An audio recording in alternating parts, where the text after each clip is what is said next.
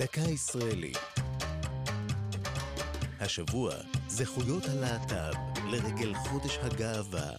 והפעם, נישואים חד-מיניים.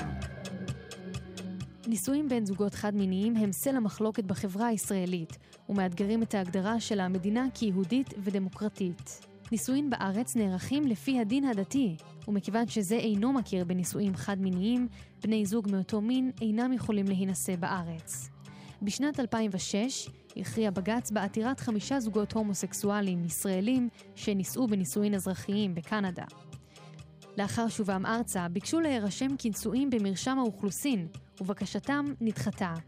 השופט אהרן ברק קבע באופן תקדימי שיש לקבל את העתירה ולרשום את העותרים כנשואים. אף שהרישום אין בו הכרה בנישואים, נוספות לו משמעויות מעשיות. גופים אזרחיים כמו בתי ספר ובתי חולים אינם מבחינים בינו לבין הכרה ממסדית.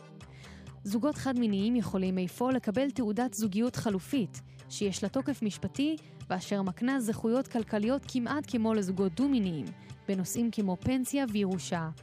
ב-2015 הגישה אגודת הלהט"ב עתירה לבג"ץ, בדרישה לאפשר נישואים חד-מיניים בישראל, אך העתירה נדחתה.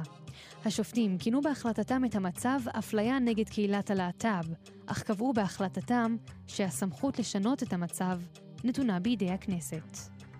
זו הייתה דקה ישראלית על זכויות הלהט"ב ונישואים חד-מיניים. כתבה עמליה נוימן. ייעוץ העורך דין ארתור שני. הגישה נועם גולדברג.